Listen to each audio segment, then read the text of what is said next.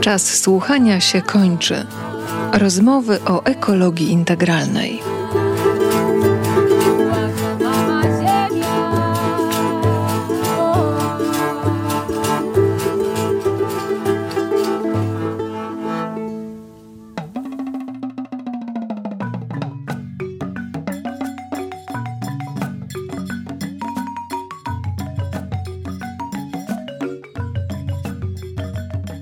Andrzej Grupa. Bardzo mi miło, że słyszymy się w podcaście na temat ekologii integralnej. Jest on związany z przesłaniem Laudato Si, encykliki napisanej przez papieża Franciszka. Ten dokument to przypomnienie, jak ważna jest nasza troska o wspólny dom Ziemię. To zarazem zachęta dla wszystkich ludzi dobrej woli, by wziąć sprawy w swoje ręce. Bez Laudato Si nie byłoby projektu Caritas Laudato Si, setek inicjatyw lokalnych i tego podcastu pewnie też by nie było. Wejdź, zobacz laudatosi.caritas.pl. Dużo wartościowych treści, tylko sprawdzone informacje.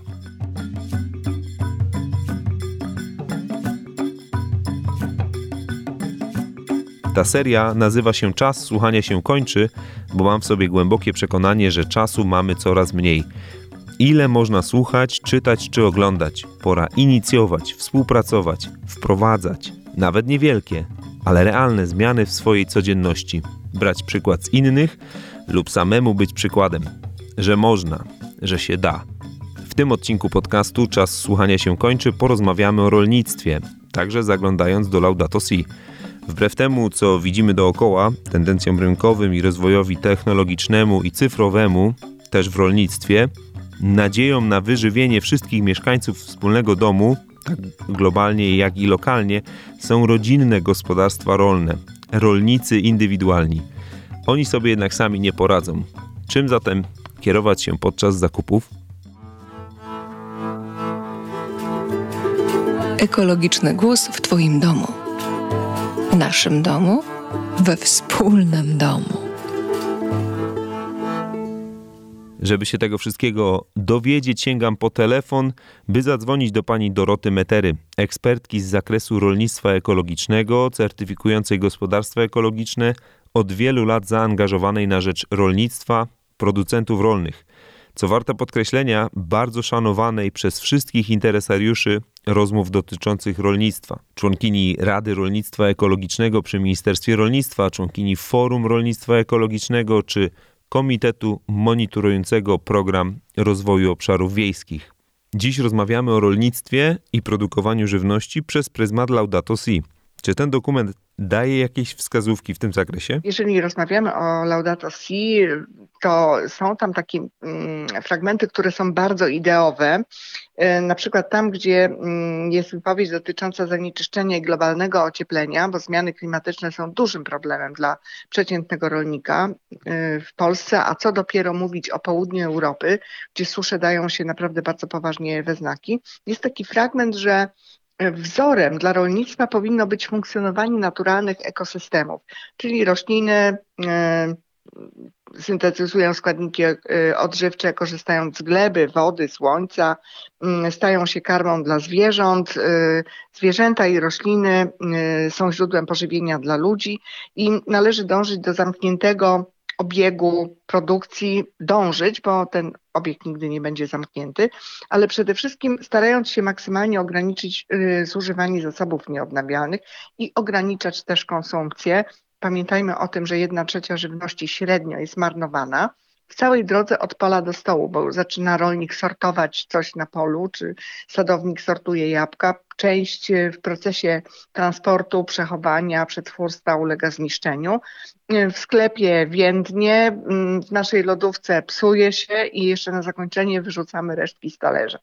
Więc jeżeli sobie zdaj, y, zdamy sprawę z tego, że jedna trzecia żywności która jest marnowana w naszym kraju czy na świecie, mogłaby zaspokoić potrzeby żywieniowe wielu biednych ludzi w sytuacjach wojny, głodu, no to po prostu naprawdę należy bardziej szanować żywność i nie patrzeć na to, że ona jest tania i można ją wyrzucić, bo jest tania, tylko ona pamiętać o tym, że ona jest cenna, że ona jest cenna także e, nie tylko dla naszego zdrowia, ale także dla producenta, który ją wyprodukował i gdyby producent wiedział, jak dużo żywności marnujemy, na pewno nie, nie czułby się z tym dobrze.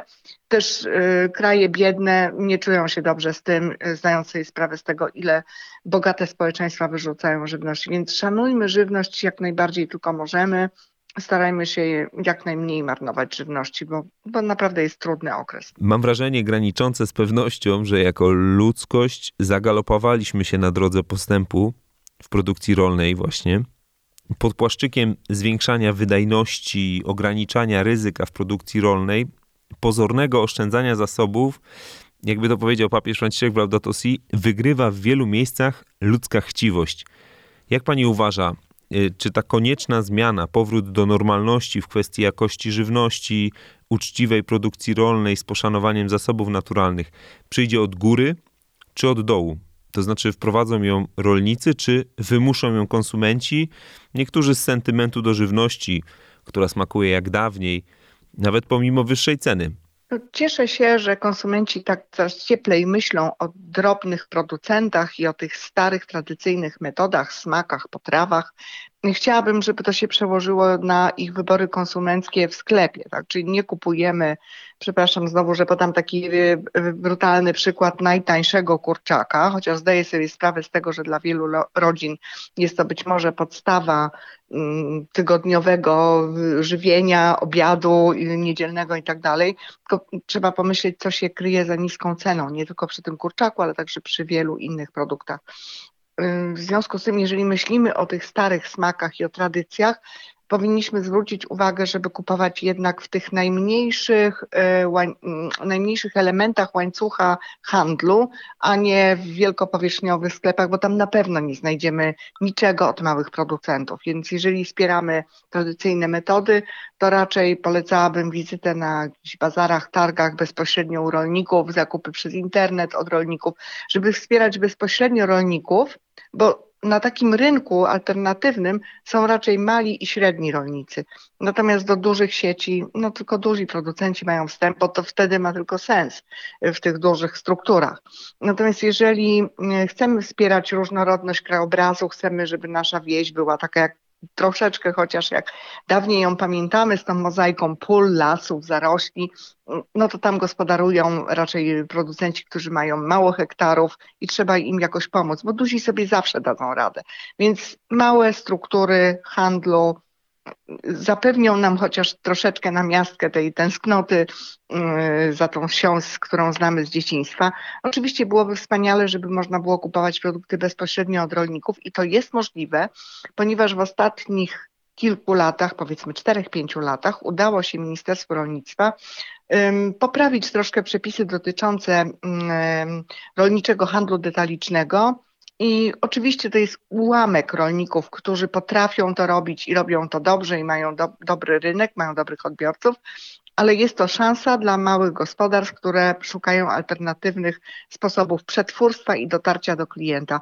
I na pewno w internecie funkcjonują różne bazarki rolnicze internetowe, gdzie żywność oznaczoną znakiem RHD, czyli rolniczy handel detaliczny, można też kupić. Więc zachęcam do takich zakupów bardzo przemyślanych. RHD muszę sobie zapisać i przy okazji się rozglądać, jeżeli akurat y, nie będę kupował znajomych dostawców na ryneczku. Bo chyba nikogo nie musimy przekonywać, że y, wartości odżywczych taki marketowy, pompowany kurczaczek ma stosunkowo niewiele. Tak, który żyje 42 dni w odróżnieniu od kurczaka ekologicznego, który żyje 81 dni, a jak wszyscy pamiętamy, dawniej babci miały kurczaki, które nieraz po pół roku rosły, tak, czyli 6 miesięcy. Y, więc w związku z tym ten trady, ta tradycyjna metoda produkcji, która jest często powtarzana w rolnictwie ekologicznym, no, daje duże szanse, że rolnicy jakoś przetrwają w tych trudnych czasach. Rolnicy borykają się z dużymi trudnościami. Obecnie chociażby cena paliwa jest wielką, wielkim problemem dla, nie tylko dla obywateli przeciętnych, ale także dla rolników, bo dla nich to jest po prostu środek produkcji. Żeby robić coś w polu, trzeba mieć ciągnik i paliwo, a to wszystko strasznie kosztuje coraz więcej.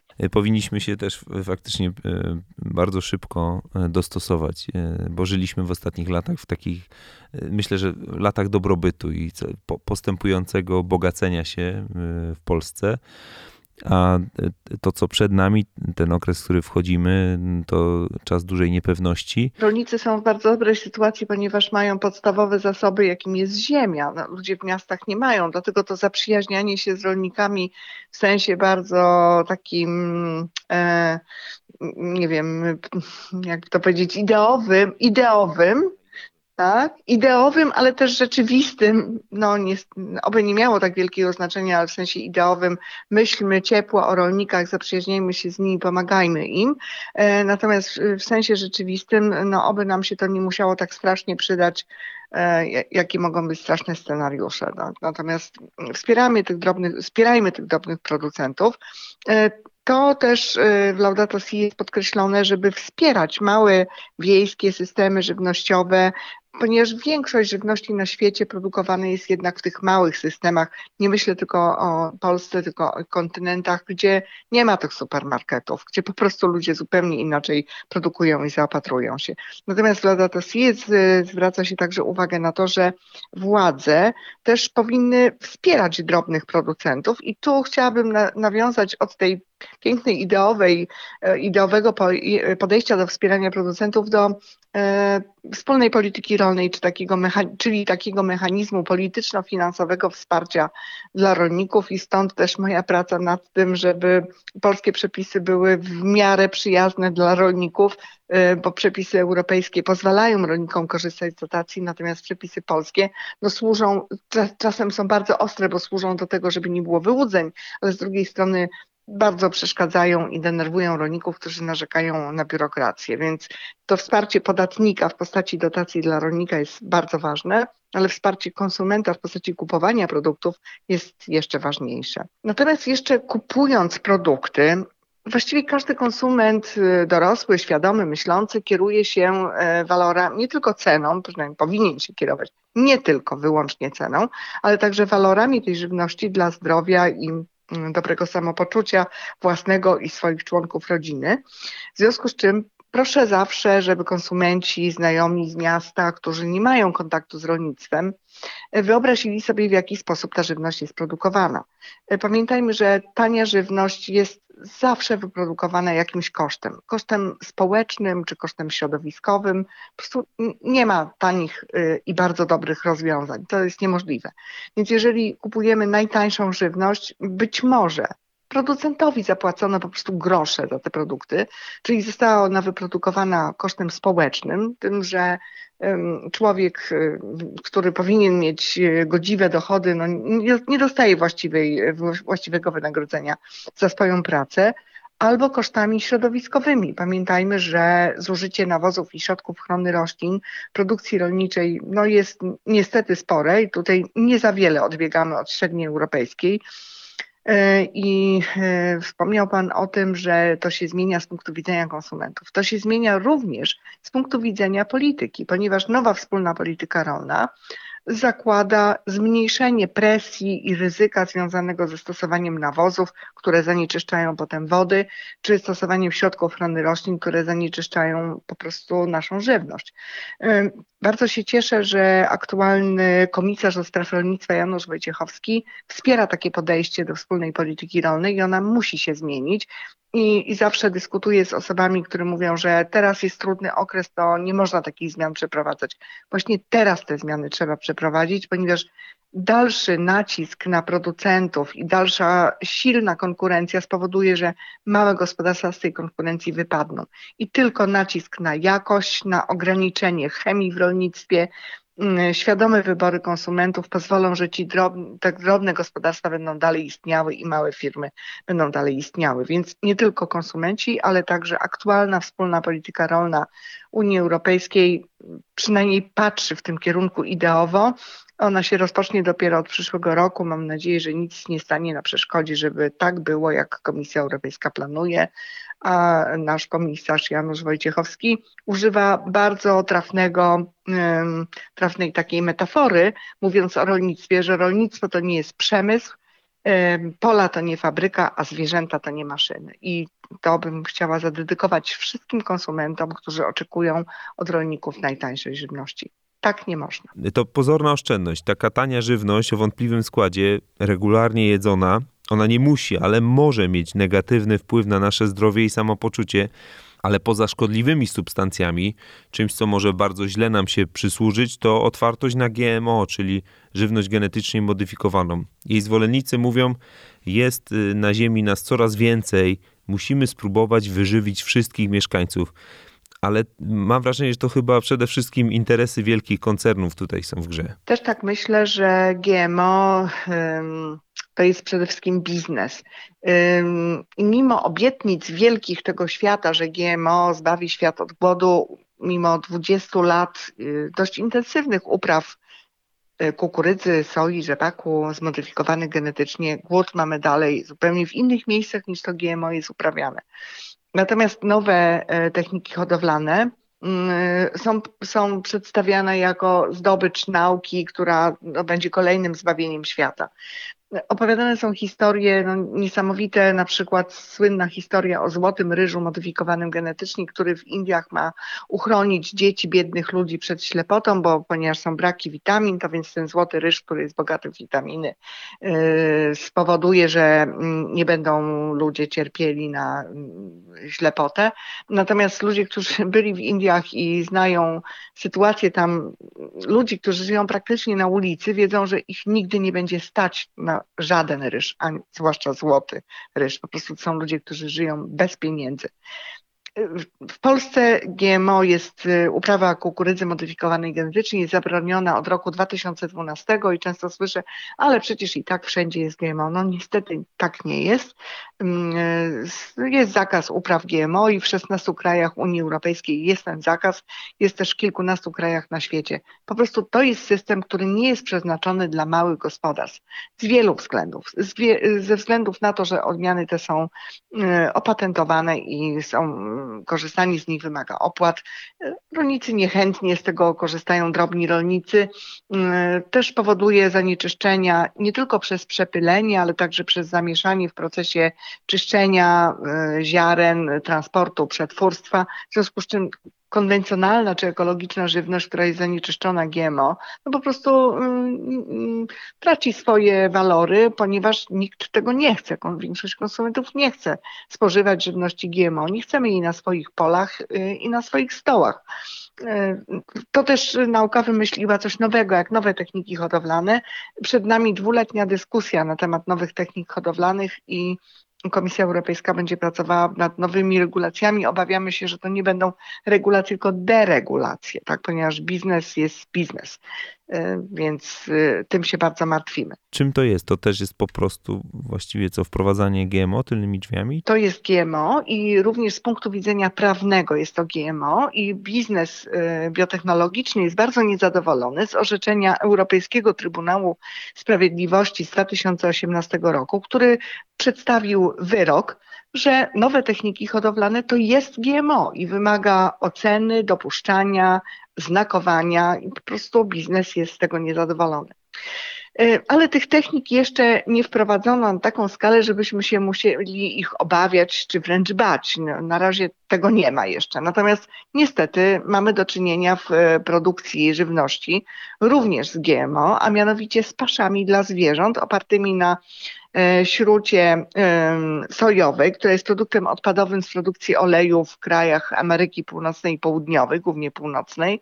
E, soja i kukurydza GMO dociera do nas jako produkt paszowy, w związku z czym znowu jedząc to najtańsze mięso zwierząt e, jak my to mówimy fachowo, nieroślinożernych, czyli drobiu i mm, świń, czyli wołowinę i drób, po prostu wspieramy biznes paszowy e, oparty na śrucie modyfikowanej genetycznie. Więc znowu ten nieszczęsny kurczak po prostu jest źródłem naszego, jest, jest wyrazem naszego wsparcia dla GMO, a przecież e, ideowo nie chcemy GMO, tak?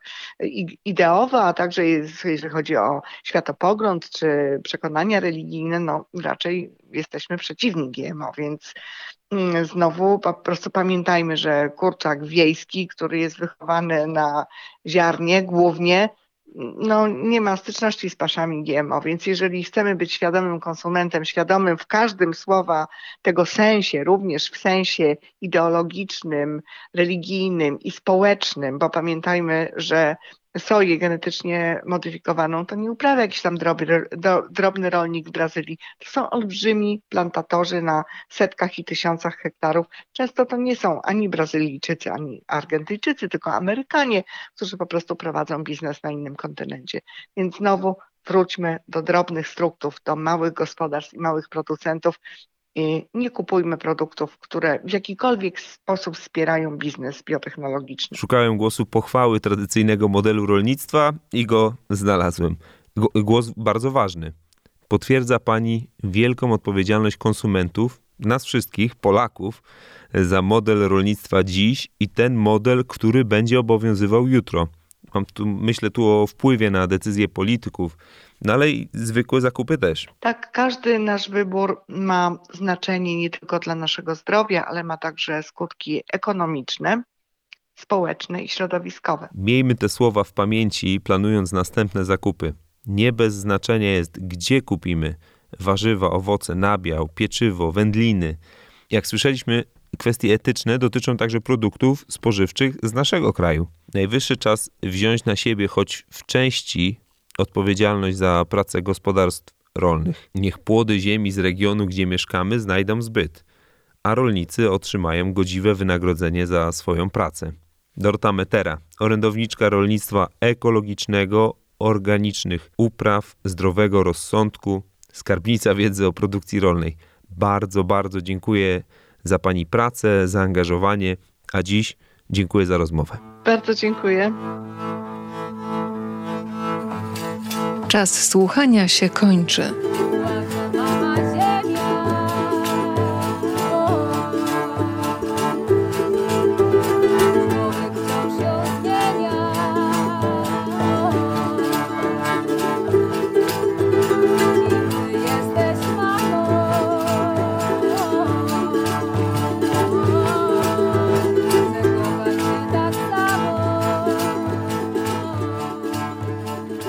Przenieśmy się teraz w malownicze okolice mazowieckich Słubic, Sochaczewa, Pradolina Wisły, przepiękny pejzaż, który kształtują m.in. ogławiane wieżby, swego czasu zasadzane przez zamieszkujących te tereny Olendrów. Poruszając się po tych stronach, co róż można spotkać niewielkie, urokliwe pałace pamiętające koncerty Fryderyka Chopina, który pewnie przechadzał się zarówno po ich wnętrzach, ale i po parkach, które je otaczają. Kto nigdy nie miał okazji odwiedzić tego kawałka Mazowsza między Sochaczewem a Płockiem, tego gorąco zachęcam. Tam i Sanniki, Iłów, Słubice, Gombin, tam i Grzybów, gdzie siedzibę ma Ekologiczny Uniwersytet Ludowy, źródło niezliczonych inicjatyw w duchu troski o stworzenie. To na poletku przy Eulu swoją organiczną uprawę zieleniny rozpoczęła Agnieszka Makowska, prowadząca Zieloną Rzodkiewkę. Niedawno przejęła gospodarstwo w sąsiednim Grabowcu. Witaj Agnieszko. To znaczący krok, pewnie ważny dla warszawianki. Chyba taka deklaracja.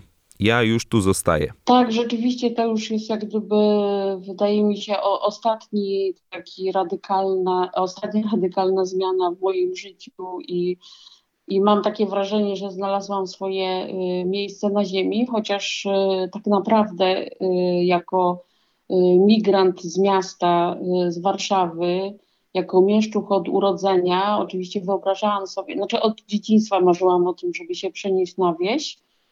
Natomiast y, oczywiście w moich marzeniach ta wieś była właśnie ta sielska anielska, y, jakby piękna, las, y, linia brzegowa jeziora, no w ogóle same wspaniałe widoki i i po prostu koronkowe firanki y, w, oknach i tak dalej.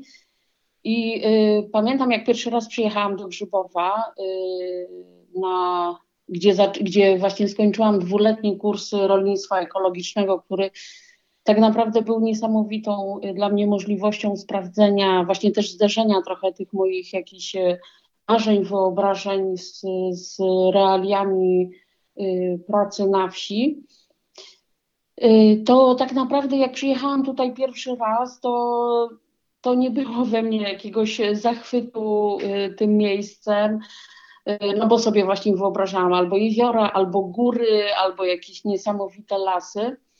I koniec końców tak się życie ułożyło, że, y, że właściwie tutaj zostałam. Teraz już oczywiście, znaczy naprawdę czuję się, że jestem jakoś y, na swoim miejscu. Y, ponad rok temu kupiliśmy gospodarstwo w pobliżu Grzybowa i naprawdę ja się po prostu tutaj bardzo dobrze czuję w tym gospodarstwie, mimo to, że ono naprawdę odbiega dość daleko odbiega od tych moich pierwotnych marzeń y, o wsi. Y, tak, ja, y, tak jak już powiedziałam, urodziłam się i wychowałam w Warszawie i właściwie nawet nie miałam wielu osób w rodzinie, które mieszkałyby na wsi i byłyby rolnikami. Właściwie to tylko Brat, brat mojej babci ze strony mamy był rzeczywiście rolnikiem i tam do niego jeździłam na wakacje i lubiłam tam bardzo zostawać.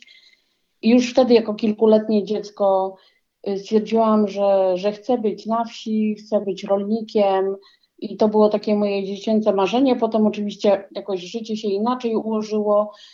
Natomiast y, jak już się zbliżały moje takie no już dość zaawansowane urodziny, to stwierdziłam, że w sumie to jest ostatni moment na to, żeby można było zrealizować to dziecięce marzenie, które po prostu, mimo to, że robiłam y, jakieś inne rzeczy, y, też bardzo ciekawe. Notabene nie jestem takim przykładem jakby publicystycznym, że nie wiem, wiele lat przepracowałam w jakiejś korporacji i po prostu zmęczona tym uciekłam na wieś. Zupełnie nie. No właśnie stwierdziłam, że to jest ostatni moment na to, żeby żeby to marzenie zrealizować. I tak się wspaniale złożyło, że się okazało, że w Grzybowie istnieje Stowarzyszenie Ziarno, że istnieje Ekologiczny Uniwersytet Ludowy i są prowadzone kursy rolnictwa ekologicznego, takie dwuletnie i właściwie w pełni dofinansowane. Więc właściwie ode mnie y, tylko to, co było wymagane, to podjęcie tej decyzji no to była taka dość e, poważna decyzja oczywiście, bo ona się też wiązała z tym, że jednak musiałam e, zostawić swoją poprzednią pracę. E, no ale byłam na tyle zdeterminowana i jakoś czułam, że to właśnie już jest naprawdę ostatnia szansa, żeby, żeby zrealizować to największe marzenie, jedno z największych. Bardzo podziwiam Twoją determinację. Ale czy ten ruch był związany ze świadomością, co jemy tu, trochę może generalizując, wybierając artykuły spożywcze dostarczane przez wielkie sieci spożywcze, żyjąc w mieście? Powiem y, szczerze, że wcześniej nie myślałam o tym, że jeszcze mogę się zająć y, rolnictwem i tak naprawdę to się wydarzyło tylko i jedynie dzięki, dzięki właśnie temu dwuletniemu kursowi rolnictwa ekologicznego. Znaczy, y, miałam oczywiście świadomość, ponieważ starałam się kupować ekologiczne rzeczy, nie, jeszcze jak gdyby nie, nie, nie zmieniłam tak w 100% radykalnie tych zakupów wtedy, ale rzeczywiście już dokonywałam pewnych świadomych wyborów jako konsumentka.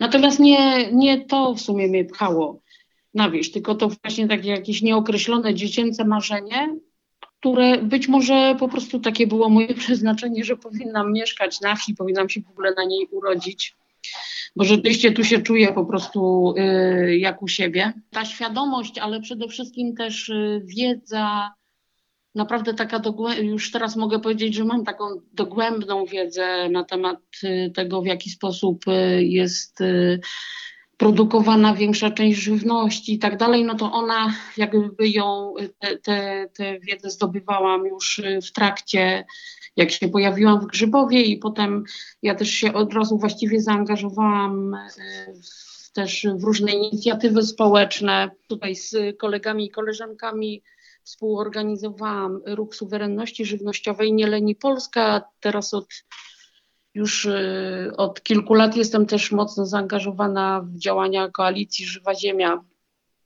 Więc poza tym, że staram się zajmować rolnictwem jakby praktyce to też, y, to też jakby, no powiedzmy jako obywatel, tak można powiedzieć, obywatelka, też y, działam na rzecz y, zmiany, zmian takich systemowych. Więc nie dość, że nie boisz się rąk pobrudzić, to, to łączysz też z aktywizmem, działaniami uświadamiającymi. Ja jestem zwolenniczką jakby takich działań, które idą jakby dwutorowo, czyli z jednej strony w ogóle nie ulega żadnej wątpliwości, że nasze konsumenckie wybory mają naprawdę bezpośredni wpływ, kogo wspieramy. Teraz naprawdę są duże możliwości zaangażowania się w kooperatywy, w różne grupy konsumenckie. W Polsce już od kilku lat się rozwija też rolnictwo wspierane społecznie, czyli takie formy jakby sprzedaży, które umożliwiają nam bezpośredni kontakt z wytwórcą żywności, z rolnikiem i też właśnie bez żadnych pośredników możemy kupować wysokiej jakości żywność i jednocześnie tak naprawdę właśnie wspierać tego rolnika, który wkłada naprawdę bardzo dużo wysiłku w to, żeby ta właśnie żywność była wyprodukowana metodami ekologicznymi, zrównoważonymi, metodami, które nie są e, szkodliwe dla środowiska. Oczywiście zwraca się uwagę naprawdę na dobrostan zwierząt, danie możliwości kurze, e, nie wiem, grzebania w trawie, świni, taplania się w błocie, a krowie bycia na pastwisku. A jakbyś tak w trzech słowach powiedziała, jak to mniej więcej wygląda? E, w trzech słowach, może być w piętnastu nawet. Cała idea polega na tym, że RWS jak gdyby jest takim współdzieleniem, można powiedzieć, kosztów, ryzyka, które właściwie zazwyczaj ponosi głównie, y, głównie rolnik. I y, tak mówiąc bardzo prosto, polega to na tym, że, że rolnik jakby zobowiązuje się do tego, że w sezonie, który na przykład, nie wiem, może trwać załóżmy 24 tygodnie, czy tam 22 tygodnie, no kilka miesięcy, Y, zobowiązuje się do przywożenia y, co tydzień y, paczek takich właśnie warzywnych czy warzywno-owocowych, no zależnie od tego, jaka jest, jaki jest profil działalności gospodarstwa. I te oczywiście przy takim założeniu, że, że są to produkty najwyższej jakości, wyprodukowane przy mm, jakby w, tego, w praktyce rolnictwa ekologicznego, a z drugiej strony są właśnie konsumenci, czyli odbiorcy tych paczek, którzy jakby zgadzają się na to, że, e, że tak, z jednej strony płacą rolnikowi właściwie z góry za cały sezon, więc niejako to jest naprawdę oparte na, na bardzo dużym, e, dużym zaufaniu e, tych dwóch stron, no ale tu nie ukrywajmy, że na pewno konsumenci muszą w dużej mierze zaufać rolnikowi. Y, I y, cotygodniowe jakby komponowanie paczek y, to jakby leży po stronie rolnika, czyli te paczki, które konsumenci dostają, są złożone z tych produktów, które są dostępne w danym momencie na polu. Czyli w ramach RWS-u nie jest tak jak na przykład w ramach kooperatywy, czy tak jak się idzie do sklepu, że, że sobie zamawiasz czy kupujesz to, co chcesz, tylko to rolnik jakby decyduje o tym, co w tej paczce będzie. Rolnik oczywiście ze swojej strony y, też bierze na siebie zobowiązanie, że te paczki będą zróżnicowane, że to nie, to nie, RWS nie polega na tym, że ktoś dostanie 5 kilo ziemniaków w tej paczce, tylko rzeczywiście to są y, przeróżne, przeróżne produkty. Raczej rolnicy starają się, żeby one co tydzień były różne, ale w dużej mierze właśnie RWS jak gdyby poprzez to w dużej mierze jest oparty na, na sezonowości i sezonowej dostępności danych, y, danych warzyw czy, czy owoców. I y, Dlatego właśnie powiedziałam, że to jest na pewno bardzo taka wymagająca forma od konsumentów, no bo ona się właśnie opiera na po prostu takim naprawdę dużym zaufaniu w stosunku do rolnika, i jeszcze to, co jest ważne, to co powiedziałam, to, to współdzielenie ryzyka, że jeżeli e, jakby przystępując do RWS-u, konsument też się zobowiązuje do tego, że w przypadku na przykład y, y, jakichś sytuacji, które nie są zawinione przez rolnika, czyli na przykład, nie wiem, jakiegoś gradobicia, czy kiedy część produktów zostanie y, zniszczona i rolnik po prostu nie będzie mógł tych produktów dać, to to konsumenci też zobowiązują, członkowie RWS-u zobowiązują się, że nie będą jakby z tego powodu wycofywać już opłaconych wcześniej pieniędzy. To wspaniale się rozwija we Francji, w Niemczech. Tych, we Francji to z tego co się orientuję, to naprawdę jest mnóstwo tych RWS-ów i, i bardzo duża właśnie liczba mieszkańców miast jest członkami tych RWS-ów i w ten sposób się zaopatruje warzywa. U nas w Polsce to się rozwija, jest już tych RWS-ów coraz więcej. Nadal jest jeszcze ich naprawdę niedużo, ale te RWS-y się rozwijają i są działania prowadzone przez Fundację Ekorozwoju i Fundację Agrinatura, które wspólnie jak gdyby wspierają rozwój tych y, RWS-ów i właśnie robią i szkolenia dla rolników. I... Odnosiki do stron wspomnianych fundacji znajdziecie w opisie pod tym odcinkiem. RWS-y to brzmi jak wyższy poziom wtajemniczenia, poważna deklaracja. A czy jest coś pomiędzy miejskim czy osiedlowym ryneczkiem, a rolnictwem wspieranym społecznie? Można zacząć y, na przykład poszukać w swoim mieście Teraz już naprawdę w wielu, wielu większych miastach y, y, funkcjonują kooperatywy spożywcze. To jest y, coś, jakby taka forma, może właśnie trochę mniej wymagająca niż RWS, ale też dająca możliwość zakupów bezpośrednio od rolnika, dająca możliwość poznania tego rolnika, bo rolnik też też trzeba czasami też pomyśleć o tym, że rolnicy bardzo często są po prostu osamotnieni w tym wszystkim, a właśnie takie formy sprzedaży, czy na, na przykład też targi, tak, na, których, na których rzeczywiście są rolnicy, a nie, y, bo też chciałam to podkreślić, że niestety bardzo często w tych dużych miastach y, y, te warzywa to nie sprzedają rolnicy, tylko pośrednicy, którzy, którzy w takich jakby miejscach hurtowych kupują te warzywa.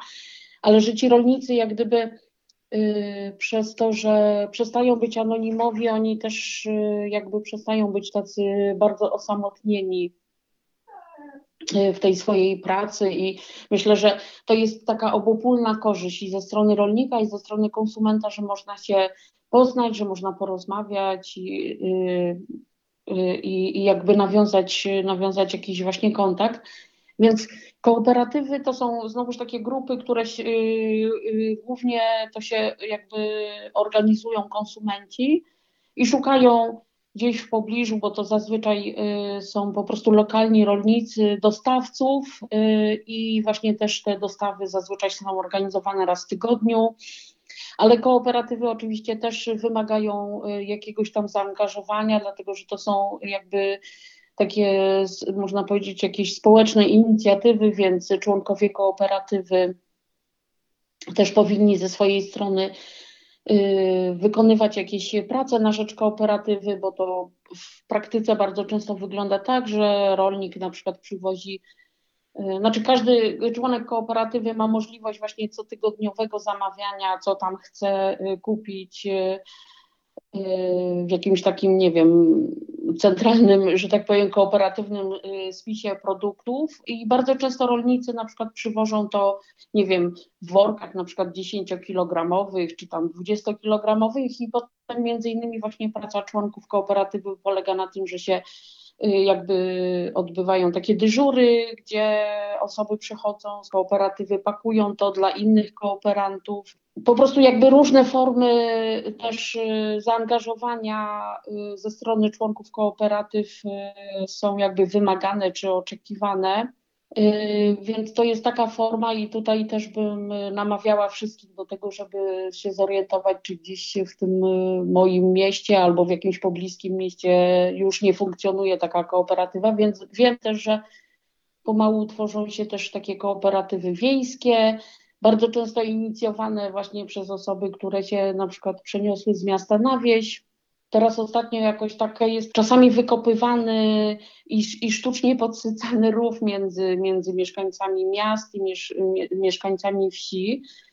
A właśnie te różne formy takiej bezpośredniego kontaktu i bezpośredniego możliwości bezpośrednich zakupów, one powodują to, że właśnie jest ten rów jakby tak y, przysypywany poza tym właśnie też chciałam powiedzieć, że y, dużo, może nie wszyscy, ale jednak dużo osób, na przykład te osoby, które ja znam, które się wyniosły, y, przeprowadziły się z miasta na wieś, to bardzo często one wnoszą takie jakby dodatkowe, dodatkowe wartości, czy uświadomienie sobie właśnie jakichś dodatkowych możliwości, to one bardzo często inicjują jakąś taką współpracę Y, lokalną y, między, y, między rolnikami. Bardzo Ci dziękuję, Agnieszka.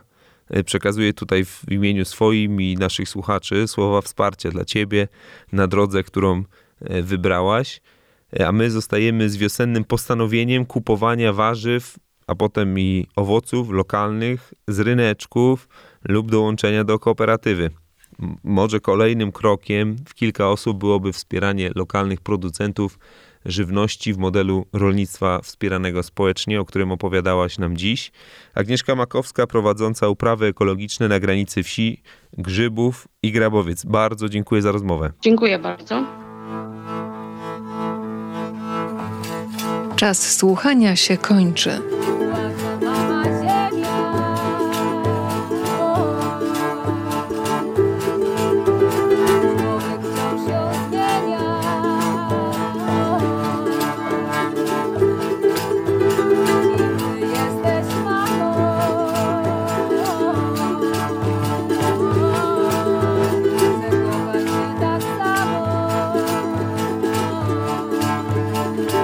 Ależ pasja, zaangażowanie, wiedza, spora garść inspiracji. W niepewnych czasach wzrostów cen półproduktów, surowców, samej żywności, może w przyszłości też niedoborów tej żywności, suwerenność żywnościowa to bardzo słuszny kierunek i warto się tym tematem zainteresować. Kilka tygodni temu na różnych forach ogrodniczych pojawiło się wspomnienie o Victory Gardens, inicjatywie z czasów wojen światowych, w której mieszkańcy krajów anglosaskich, szczególnie kobiety, były zachęcane do zakładania grządek, niewielkich zagonów. Praca w ziemi pomagała odpocząć głowie od niepokojących informacji napływających z frontu. Y, ciało przy tym mogło się zdrowo zmęczyć. No a na wypadek problemów z, do, z dostępnością żywności to było dodatkowe źródło pożywienia. Warto rozważyć i te propozycje ekologiczny głos w Twoim domu. To wszystko, co przygotowałem w tym odcinku. W imieniu Caritas Laudato Si dziękuję za uwagę. Ponownie zapraszam do odwiedzenia strony projektu laudatosi.caritas.pl. Tam w zakładce Pobierz, innymi encyklika Laudato Si w formie PDF, można znaleźć opracowanie numer 2 poświęcone odpowiedzialnemu wykorzystaniu żywności, no ale także na przykład nowym modelom ekonomii. Dużo dobrego w opisie do tego odcinka bezpośredni link. A żeby nie przegapić kolejnego odcinka naszego podcastu, subskrybuj. Mówił Andrzej Grupa. Do usłyszenia wkrótce. Podcast Czas Słuchania się kończy został przygotowany w ramach projektu Ekologia Integralna Encykliki Laudato Si w działaniu wspólnot Caritas i społeczności lokalnych realizowanego przez Caritas Polska został dofinansowany ze środków Narodowego Funduszu Ochrony Środowiska i Gospodarki Wodnej.